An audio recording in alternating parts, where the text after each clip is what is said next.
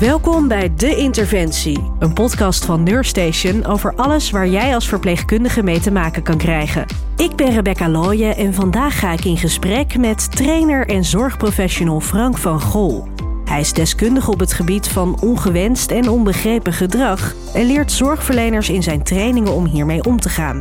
We praten over de soorten ongewenst gedrag, waar dit vandaan komt en hoe je dit het beste aan kunt pakken. Dag Frank, wat fijn dat jij aan wil schuiven om meer te vertellen over cliënten die onbegrepen of ongewenst gedrag laten zien. Jij geeft daar ook trainingen in. Kan je iets meer vertellen over jouw achtergrond? Ja, dat kan. Ik heb, eh, ik heb een, een, een vrij brede achtergrond. Ik ben ooit als leraar afgestudeerd op het gebied van omgangskunde. Ehm, ik ben daarna, eh, omdat er in die tijd, het is niet meer voor te stellen nu, maar er was geen werk voor leraren. Dat was in de jaren tachtig van vorige eeuw. Zo oud ben ik al.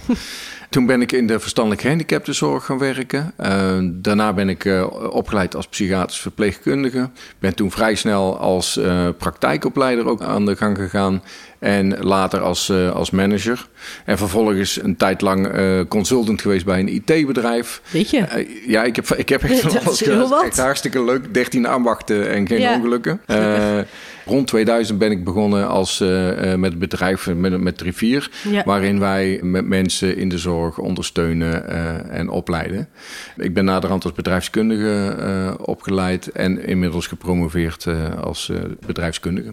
Nou, een heel mooi rijtje. Een heel mooi rijtje. Ja, en wat doen jullie hier precies? Want je geeft al aan, we geven trainingen. Hoe moet ik dat voor me zien? Wat leer je mensen? Nou, waar het bij ons om gaat, is dat wij uh, de hulpverleners, de individuele hulpverleners, de teams, maar ook de organisaties ondersteunen bij het omgaan met, met het hele moeilijke gedrag van cliënten. Dus dan, mm -hmm. En dat kun je voorstellen in alle sectoren werken wij in principe. Het gaat om agressie, dat gaat over onbegrepen gedrag, over grensoverschrijdend gedrag.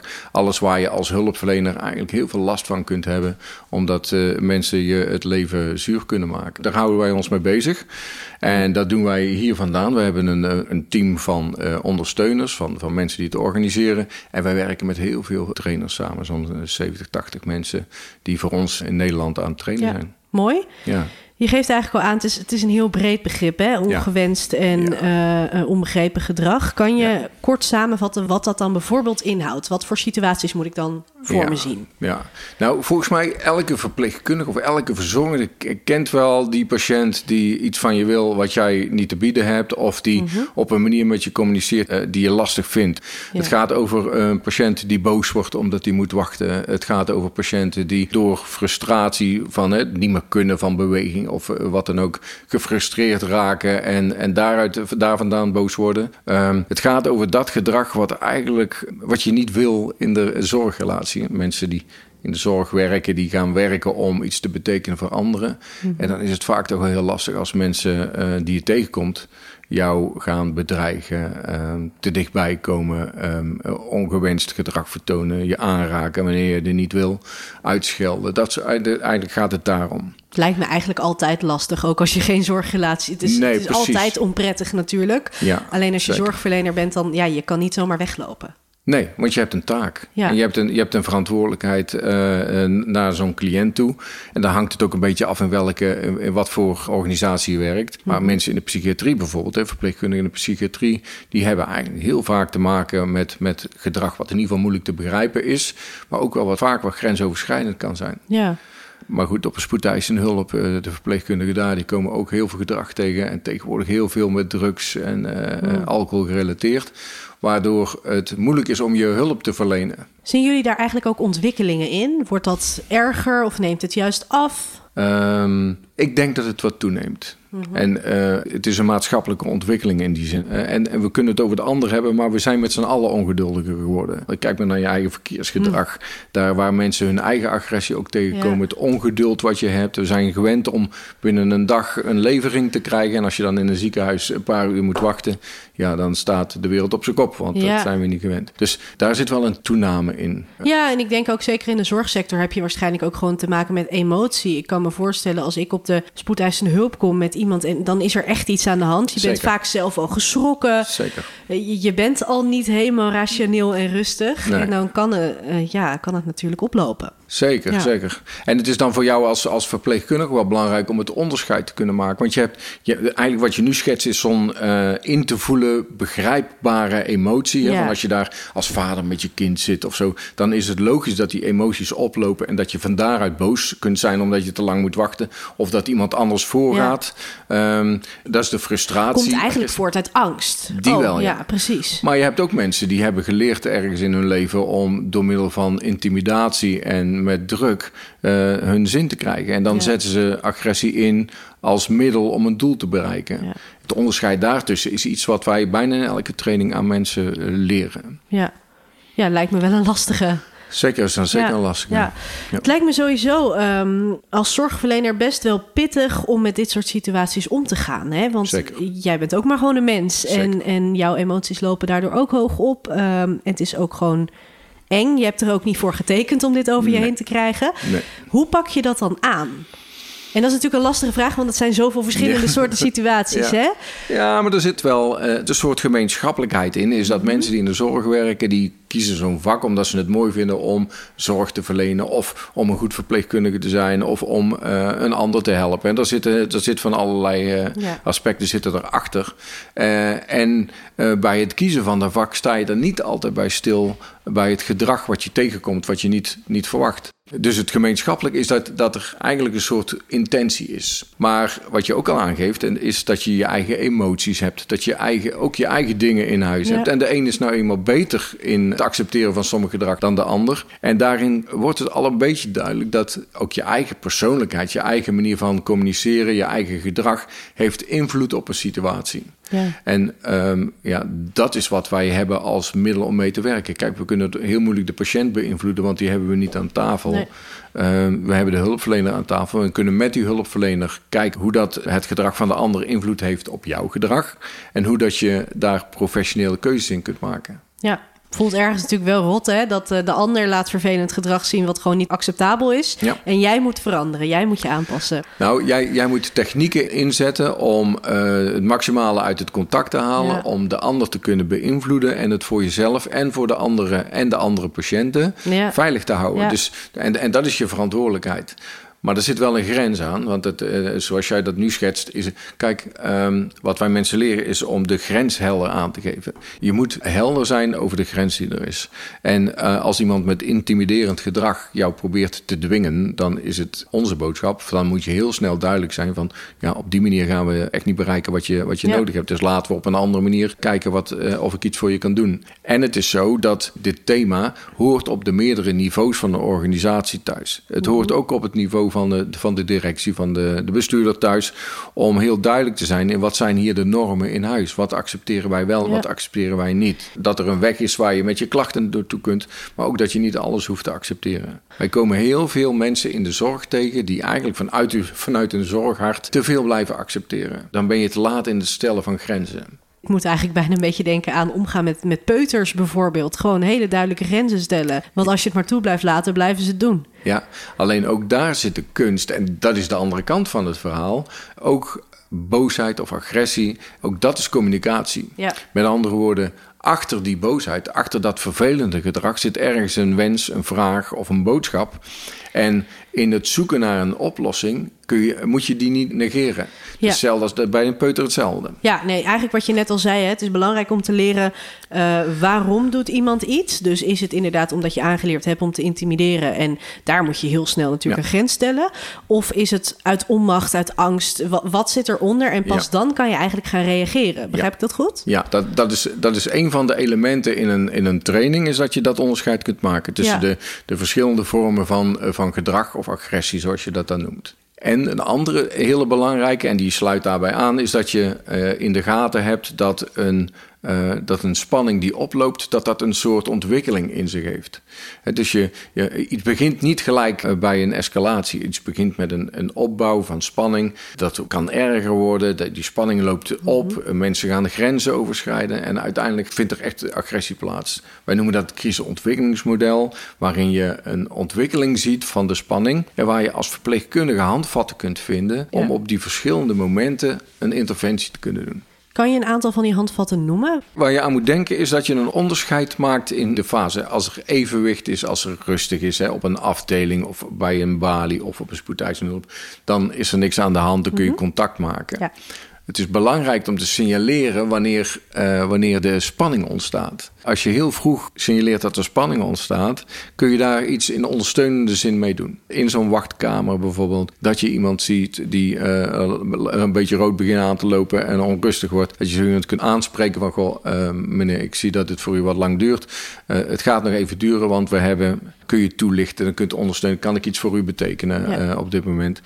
Um, en een volgende stap is als, als zo iemand dan gaat roepen of uh, grensoverschrijdend gedrag gaat vertonen, dus te gaat schelden of uh, dreigen. gaat dreigen, dat je dan heel helder bent van, ja, dit heeft geen zin. U gaat nu over mijn grens, u loopt te dreigen, ik wil dat u daarmee stopt. Maar misschien kan ik wel op een andere manier even met u kijken hoe we dit kunnen oplossen. Ja, en als het dan toch nog niet stopt? Dan heb je een probleem. Want uh, zeker bij intimiderende agressie moet je ook ergens een keus stellen van luister, als u zich zo blijft gedragen, kunnen wij u hier niet helpen.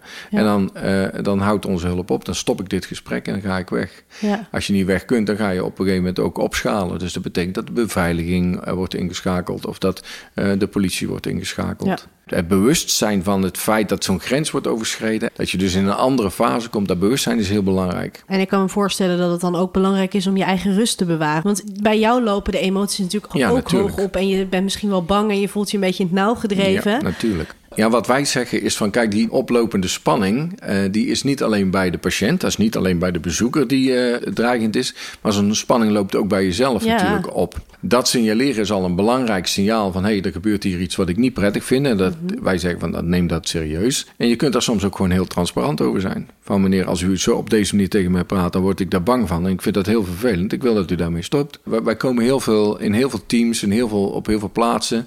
Um, wat mensen af en toe voor hun kiezen krijgen Ehm, ja, daar, daar, raak ik wel eens van onder de indruk hoor. Dat ik denk van jongens, jongens, jongens. Dat je dit voor de voeten geworpen krijgt in het uitoefenen van je werk. En helemaal in een beroep waarin je eigenlijk alleen maar wil helpen en juist ja. er voor de ander wil zijn. En dan krijg je dat van de ander terug. Ja, dat, dat is natuurlijk extra cru. Ja. Um, er is ook nog als, als je dat zo zegt, dan denk ik er is ook nog een andere kant. Ja. Um, nou, je eigen gedrag heeft natuurlijk ook invloed op het gedrag van de patiënt. Als jij onbereikbaar bent of weinig begrip hebt of uh, en zoiets hebt, ja. en je hebt haast, van zit niet zo te zeuren en, en wacht gewoon je beurt af. Als dat je uh, communicatie is, dan draag je zelf bij aan de escalatie van het gedrag. Dat zelfinzicht, jezelf als instrument inzetten, is een belangrijk aspect. Ja, en als ik jou zo hoor praten, dan denk ik ook dat dat hele kleine dingen kunnen zijn. Gewoon uh, misschien al wel onbewust dat je eigenlijk al hartstikke zagrijnig ergens aankomt. Ja, zeker. Ja, zeker. Ja. En als jij, als jij druk hebt en je werkt op een zaterdagavond op een spoedeisende hulp en je hebt de ene naar de andere gedoe en dan heb je weer een dronken lap die loopt te zeuren, ja. dan is op een gegeven moment jouw lontje ook heel kort. Dan uh, heb je minder begrip, ben je minder duidelijk, ben je vermoeider. En dat heeft allemaal gevolgen voor jouw communicatie naar een cliënt toe. Nou hebben we het over, ehm, vooral dan over intimiderend gedrag. Hè? Dan zijn er nog twee situaties waar ik even op wil inzoomen. Mhm. Aan de ene kant heb je, uh, want we hebben het nu over een wachtkamer bijvoorbeeld. Het lijkt me extra lastig, en dan denk ik even bijvoorbeeld aan de ambulance. Mhm. Op het moment dat je ehm, hulp aan het verlenen bent bij een, nou ja, kritische situatie en omstanders vreselijk, ja. Ja, dat is wat je vaker in het nieuws ook wel hoort. Hè? Hoe, want ik begrijp dat je uh, rustig moet blijven, het gesprek aan moet gaan. En, maar wat als je gewoon simpelweg de tijd niet hebt, want je moet je focussen op het slachtoffer op dat moment? Ja, dat is echt een, een hele lastige en een maatschappelijk probleem. Ik begrijp eigenlijk niet hoe dat je naar hulpverleners die uh, hun best staan te doen om iemand eh, te helpen naar bijna ja. ongeval of wat dan ook, dat je die hulpverleners gaat lopen lastigvallen. Dat eerst gezegd. Hè? Dus het is, waar komt dat toch vandaan? En het is ook, je zegt intimiderend gedrag, hè? dat onderscheid tussen intimiderend gedrag en uh, frustratiegedrag, dat onderscheid is wel heel belangrijk. Kijk, als jouw kind een ongeluk krijgt en die ligt daar op de grond en de ambulance komt eraan, dan ben jij misschien als vader of als moeder uh, heel erg gedreven om. en, en dat je dan in je communicatie onhandig bent, eisend wordt en wat dan ook, dat, dat komt dan daar vandaan. Het is wat anders als je um, ja, dat fysiek geweld of de agressie gebruikt als pressiemiddel om de verpleegkundige tot hulp aan te, aan te zetten. Ehm, wij trainen mensen in ambulances. Hè, en dan gaat het inderdaad vooral over het onderscheid kunnen maken tussen frustratie en intimidatie is belangrijk. Mhm. De opbouw die er is van in de spanning. En wat voor ambulancepersoneel ook wel doen, is dat we ze opleiden in het herkennen van eigenlijk psychiatrische beelden. Hè. Het gedrag wat hoort bij psychiatrische stoornissen, wat op verschillende manieren uh, zich kan uiten. En dat, daar hebben we dan handvatten voor. Maar eigenlijk waar het over gaat, is dat onderscheid maken, vroeg grenzen aangeven. En voor ambulancepersoneel is het ook het taxeren van het risico wat belangrijk is. Als het te gevaarlijk is, moet je gewoon terug de auto in. Ja, hoe, hoe, hoe gek dat, ook is. ja, maar Dat zit, ja, maar dat zit echt. Nee, ik begrijp het. Ja, je hebt er helemaal niks aan als je straks uh, drie gewonnen hebt in plaats van één. Maar nee, nee. Ehm, ik denk ook dat het schakelen daar veel sneller moet gebeuren. Ja, zeker. maar eh, Vaak, vaak is dan ook de politie er wel bij betrokken. Hè? Dus dan, dan zorgt de politie voor de veiligheid van, van, van de omgeving. Het, uh, en en zijn, kunnen de mensen van de ambulance bezig zijn met het hulp verlenen. Um, maar ja, soms is die politie er nog niet. En dan kan het soms te gevaarlijk zijn om de auto uit te komen. Heftig wel, want dat, is, dat lijkt me echt aan je vreten. Want je ziet iemand, je kan iets doen en elke seconde telt ook op sommige momenten. Zeker. Zeker. Ja, dus Is allemaal, dit is van achter een microfoon eh, heel gemakkelijk gezegd allemaal. Maar dat is ook... Nee, ja, dat, tuurlijk. Maar dat geldt ook voor de forensisch uh, psychiatrisch verpleegkundigen. Dat geldt ook voor mensen op de spoedeisende hulp. Of uh, met mensen die als verpleegkundige in de, met verstandelijk gehandicapten werken. Verstand, mensen met een verstandelijke beperking werken. Um, ja, want dat is eigenlijk de volgende die ik aan wilde halen. Hè. We hebben het dan over intimiderend of agressief of frustratiegedrag gehad. Um, dan heb je toch ook nog het stukje onbegrepen gedrag. Bij bijvoorbeeld mensen met een verstandelijke beperking of mensen die uh, dementie hebben of een andere situatie uh, waardoor ze eigenlijk niet meer in staat zijn om hun eigen uh, handelen te overzien. Laat ik het maar even zo noemen. Ja, Hoe ga je daar dan mee om? Want daar kan je geen rationeel gesprek mee voeren. Uh, nee, al is het uh, ook nog wel mogelijk om ook met die mensen in een contact te zijn wat, wat, helpt. En als je, als je vroeg bij de spanningsopbouw bent. En ja, die, maar goed, dat hoef ik. Die, die verpleegkundigen die werken met deze doelgroepen, zijn er ook heel erg goed in om kleine communicatiesignalen te begrijpen, om daarbij aan te sluiten. En daar zit ook eigenlijk wel de kunst. De kunst is om heel vroeg de spanningsopbouw te, uh, te signaleren. Als een continu leercyclus te zien waarin je steeds beter wordt om met een bepaalde cliënt om te gaan. En als, als het gaat bijvoorbeeld met mensen met een dementieel beeld, hè, dat is echt wel een aparte mhm. doelgroep, omdat ja, bij die mensen zijn de hersenen gewoon een stuk. Die begrijpen de wereld niet meer zoals die, uh, zoals die aan ze wordt aangediend. En um, dat levert heel veel spanning op. Ja. Daar heb je als verpleegkundige eigenlijk een soort, eerder een soort, uh, ja, wij noemen dat bakenen. Ja. Dat je een soort begeleidende rol hebt om uh, zo iemand eigenlijk van de spanning vandaan te. eigenlijk bijna preventief werken. Ja. Ja. Ja, als, je, als iemand het niet snapt, dan heeft het stellen van een grens echt geen Precies, nee, dus dan, dat lijkt me een hele andere aanpak dan iemand die heel erg hoog van de toren blaast bij de spoedeisende hulp. Ja, ja, die vormen van onderscheid zijn dus heel erg belangrijk. Die zijn belangrijk om het goede te kunnen doen. Ja. Kan je als team ook nog onderling ja, zorgen dat je een situatie zo rustig mogelijk houdt, bijvoorbeeld? Een van de belangrijke aspecten in het omgaan met grensoverschrijdend of onbegrepen of ongewenst gedrag, een van de belangrijke aspecten is de samenwerking. Je hebt je teamgenoten, hè, je, je, je, je, collega's heb je nodig, of sowieso om de veiligheid af en toe te waarborgen. Hè. Zeker als, je, als het gaat over mensen die ook dreigend kunnen zijn in hun gedrag. Dan heb je de veiligheid bij elkaar nodig. Schouder aan schouder moet je kunnen staan. Je moet elkaar helpen, je moet elkaar ondersteunen aan de ene kant. En dan het hele moeilijke is dat je tegelijkertijd ook met elkaar kritisch op elkaar moet kunnen blijven. Van doen we nou eigenlijk wel het goede? Zijn we de juiste stappen aan het nemen? Waardig in de opbouw van de crisis momenten dat we wel iets hadden kunnen doen? We, eigenlijk stimuleren wij in die teams heel erg het uh, uh, lerend kijken, het cyclisch kijken naar incidenten. En dat je eigenlijk van elke, elk incident kunt leren. Ja. Voor teams is dat continu leren. Heel erg belangrijk voor het goed kunnen samenwerken rondom uh, moeilijk gedrag. Ja. Vind je eigenlijk, als we nog heel even teruggaan op dat stukje onbegrepen gedrag van mensen met dementie en verstandelijke beperking. Um, ik hoor ook wel situaties waarin zij bijvoorbeeld nou, om zich heen kunnen slaan of bijten of echt agressief gedrag. Ja. Hoe stel je daar een grens in? Want als je te maken hebt met mensen die gewoon bij jou op de afdeling wonen, je kan moeilijk de politie bellen en ze weghalen, snap je? Ja, ja. Waar ligt die grens en hoe ga je daar dan mee om? Want je kan denk ik ook moeilijk zeggen: ja, ja dit is maar gewoon zo, dat moet je maar accepteren. Ja, nee, precies. Ja, dat is wel afhankelijk van de setting waarin je staat. Kijk, in een algemeen ziekenhuis, als je daar uh, dreigend gedrag hebt, wat ook daadwerkelijk agressief wordt, dan is daar de politie de enige antwoord. Omdat je daar gewoon ook de techniek niet voor hebt, maar je hebt ook de mogelijkheden, ook juridisch niet zomaar, om, er, uh, om erin te grijpen. Wat je nu schetst, komt eigenlijk heel vaak voor in de gesloten settingen van de verstandige gehandicaptenzorg, ja. de gesloten setting van ouderenzorg. Psychiatrie, denk ik psychiatrie ook Psychiatrie zeker, ja. Daar heb je dus uh, met elkaar een opvatting nodig hoe je daarmee om wil gaan. Vroeger, ik ben zelf uh, 61, dus ik, ik, draai al lang mee. Uh, wij gingen vroeger met tien man, pakten we iemand vast en die, die sloten wij op, omdat we ook niet wisten wat we ermee moesten. En tegenwoordig is daar heel veel in getraind, heel veel in geleerd. Waardoor mensen op, op een hele professionele manier met dat gedrag omgaan. En dan gaat het dus over van het signaleren van... Je hebt dat grensoverschrijdend gedrag. Hè, dus die fase die ik daarnet al beschreef, de oranje fase noemen wij dat. Dan ga je grenzen stellen en dan uh, help je mensen uh, met het afbakenen van de ruimte. We hebben ook de rode fase. En de rode fase is die fase waar daadwerkelijke agressie plaatsvindt.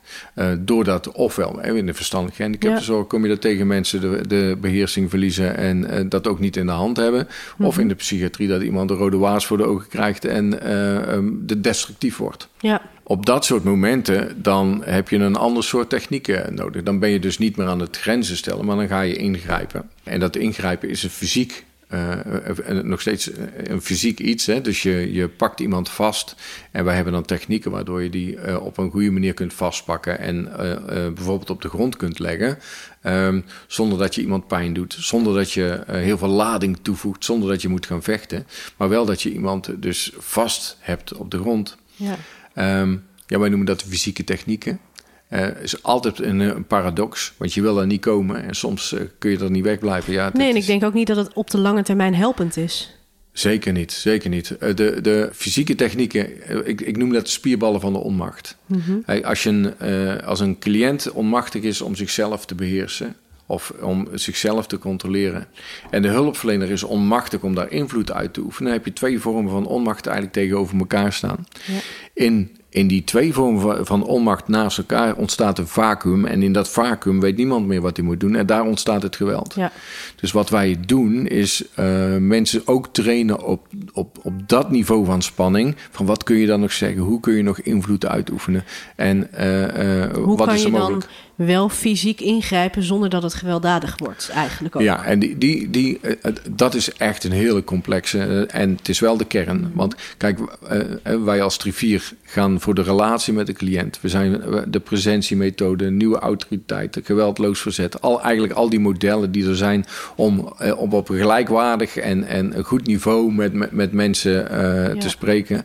Um, ja, die, die, die, die gaan op zo'n moment komen die allemaal onder druk te staan. Omdat je fysiek moet ingrijpen, omdat het anders ja. te gevaarlijk wordt. Of dat je, uh, anders krijg je een stoel. Uh, ja, echt een laatste redmiddel. Het is je laatste ja. redmiddel. Dus, um, um, maar het is, het is altijd een onmachtsmiddel. En, mm -hmm. en, en het feit dat het een onmachtsmiddel is, verplicht je eigenlijk ook als team of als organisatie om samen na te denken: hoe gaan we dit de volgende keer uh, aanpakken en hoe kunnen we het voorblijven? Ja, want je wil het natuurlijk niet doen, maar ik denk op het moment dat je het niet traint, dat het dan al gauw de grens over kan gaan naar ja. agressief. Ja, zeker. Als, je, als jij niet getraind bent, als jij niet weet wat je moet doen, ja, dan heb je, dan heb je gewoon je, je, je, in, ja. je hoe noem je dat nou? Je intuïtieve Instinct, of ja. instinct, instinctieve vechtreacties uh, om iemand eronder te krijgen. En dan krijg je geweld tegen geweld.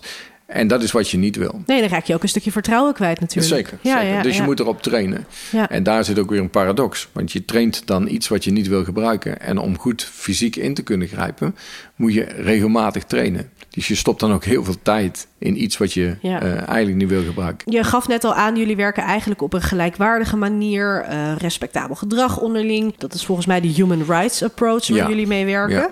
Ja. Uh, wat houdt dat precies in? Ja, de human rights approach is eigenlijk, het gaat over mensenrechten. Dat je dus respect en ruimte creëert Ja. voor mensen. Maar dat geldt niet alleen voor je patiënten, dat geldt ook voor je, eh, voor je hulpverleners. Ook hulpverleners hebben die rechten en ook die eh, verdienen een menswaardige en een respectvolle eh, benadering. Ja. Ja, maar als je dat zo zegt, en zeker als we het dan ook hebben over het contact tussen van zorgverlener naar cliënt. Lijkt mij dat heel logisch. Je gaat toch gewoon met respect met elkaar om en gelijkwaardig. En ja, zeker. Of, of zie ik dat verkeerd? Nee, zeker, dat is, dat is onze aller intentie. En uh, op die manier willen we eigenlijk werken. Maar er zijn mechanismen die altijd spelen. Als je een cliënt hebt die op je afdeling verblijft en het bloed onder je nagels vandaan haalt. En uh, een hele vreemde manier van communiceren heeft, waardoor eigenlijk het heel, hele team over de rooien kan raken.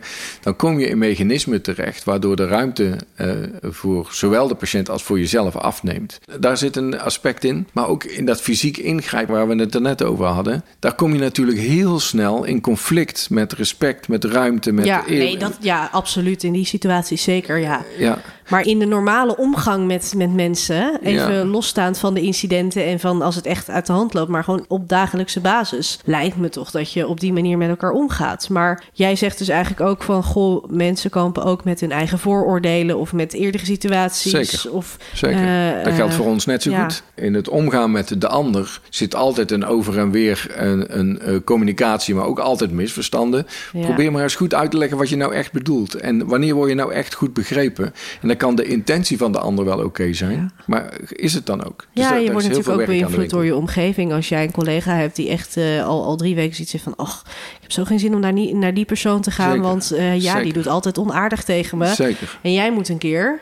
Ja, dan neem dan je ga dat je met mee. een andere houding natuurlijk de ruimte Ja. in. Ja, dat Ja. is waar. Ja. Maar En- goed, dat is wel lastig lijkt me. Want dat, is, dat, dat gebeurt bijna onbewust bij je. Dat zijn bijna onbewuste reacties. Ja, ja, dat klopt. En wat wij van mensen vragen en van teams vragen, van kijk daar met elkaar kritisch naar. Van wat is er nou eigenlijk gebeurd? Wat hebben we gezien? Hoe hebben we erover eh, over nagedacht? Hebben we het goed gepland? Hebben we erop gereageerd? Maar ook van evalueren we het goed? Heb je oog voor zo'n frustratieniveau van je Ja. collega? Dat die niet vanuit zijn frustratie agressief wordt. Hè, zonder dat nou het beeld te schetsen dat er in zo'n teams agressieve mensen rondlopen. Nee, maar het is een natuurlijke reactie die bij, ons, eh, Ja. bij onze psycho hoort.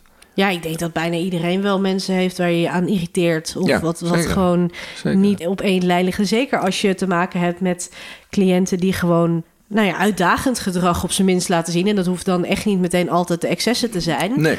Maar zo net een beetje in dat grijze gebied Ja. blijven, ja, dat is lastig. Daar trainen wij overigens het liefst. Wij trainen het liefst in dat grijze gebied waar eh, de eerste irritaties ontstaan, Ja. waar de eerste grensoverschrijdingen ontstaan. Je hoeft niet per se te vechten om, eh, om het conflict eh, goed te leren eh, beheersen. Nee, dat gaat eigenlijk veel meer over van hoor ik wat jij zegt, zie ik wat jij wil, kan ik jou aanspreken op je gedrag, hebben wij wederzijds respect. Gebeurt dat vanuit een gelijkwaardig niveau? Ehm, kan ik mijn opdracht die ik heb als hulpverlener, hè, mijn, mijn opdracht is om jou hulp te bieden, Ja. kan ik die vrijblijvend aanbieden? Of heb ik zoiets van, ik weet wat voor jou het beste is en jij moet maar doen wat ik... eh, Oh ja, die heb je natuurlijk ook nog. ja, op basis daarvan reageren mensen ook weer. Terwijl ergens denk ik ook, ja, je bent ook degene met de ervaring en expertise natuurlijk. Maar dat is precies Ja. de paradox. Ja. Dat is nou, kijk, jij, jij wordt ingezet als hulpverlener om hulp te verlenen. Dus je hebt een andere rol in die communicatie. Ehm, kun je die hulp aanbieden op een gelijkwaardig niveau? Zonder Ja. de bedweter te zijn. Of te dwingen. Ja, Of, of, of net te doen of je van niks weet. Dus je, dat gelijkwaardige niveau is echt heel erg moeilijk. Of je even de ruimte kunt geven. Of je vragen stelt en of je stil kunt zijn. Of je aan kunt voelen. Of iemand even boos mag zijn. Of iemand af mag wijken van, eh, van een gangbare norm. Of je dat kunt hebben. Of je dat kunt accepteren en waarderen. Daar gaat het allemaal om. En wat je ook wel ziet, en dat zit hem ook in de complexiteit van het team en de teamsamenwerking, is dat je in teams het idee krijgt van wij weten het wel. Wij hebben hier wel een antwoord op. En wij steunen elkaar. En dan krijg je een soort cohesie in een team die aan de ene kant gewenst is, want je wil met elkaar eh, de, de neuzen dezelfde kant op hebben. Maar je hebt ook wel die discussie, de, de afwijkende mening, de diversiteit nodig om met een moeilijk gedrag elke keer nieuwe oplossingen te kunnen verzinnen. Ja. Daar zit een valkuil voor veel teams. Dat ze eigenlijk doorschieten van wij weten het wel. De ervaring van, van hulpverleners, en dan, en dan heb ik het ook over mezelf, is de ervaring kan ook een ballast worden. Als jouw ervaring jou gaat weerhouden van het opdoen van nieuwe ervaringen en nieuwe dingen uitproberen, dan wordt het ervaring wordt ballast. En dan heb je aan, de, aan die jonge mensen, nieuwe mensen, daar heb je uh, eigenlijk heel veel input van nodig. Maar dan moet je dus inderdaad wel een team hebben waarbij de jonge nieuwe mensen zich veilig voelen om hun andere mening misschien wel te verkondigen. Ik bedoel, als heel het team wat al, al, al tien jaar met elkaar samenwerkt, allemaal op dezelfde manier denkt en, en dezelfde mening heeft. En jij komt daar als starter en je denkt, nou, dit vind ik eigenlijk heel raar. Waarom doen we dat eigenlijk zo? Maar je voelt niet de ruimte om dat te zeggen. Dan, ja. Uh, ja, en toch zie je dat, dat, dat mechanisme zie je heel veel. Dat is onderdeel van mijn, uh, van mijn promotieonderzoek geweest, waarin ik in teams op dat terrein uh, onderzoek heb gedaan.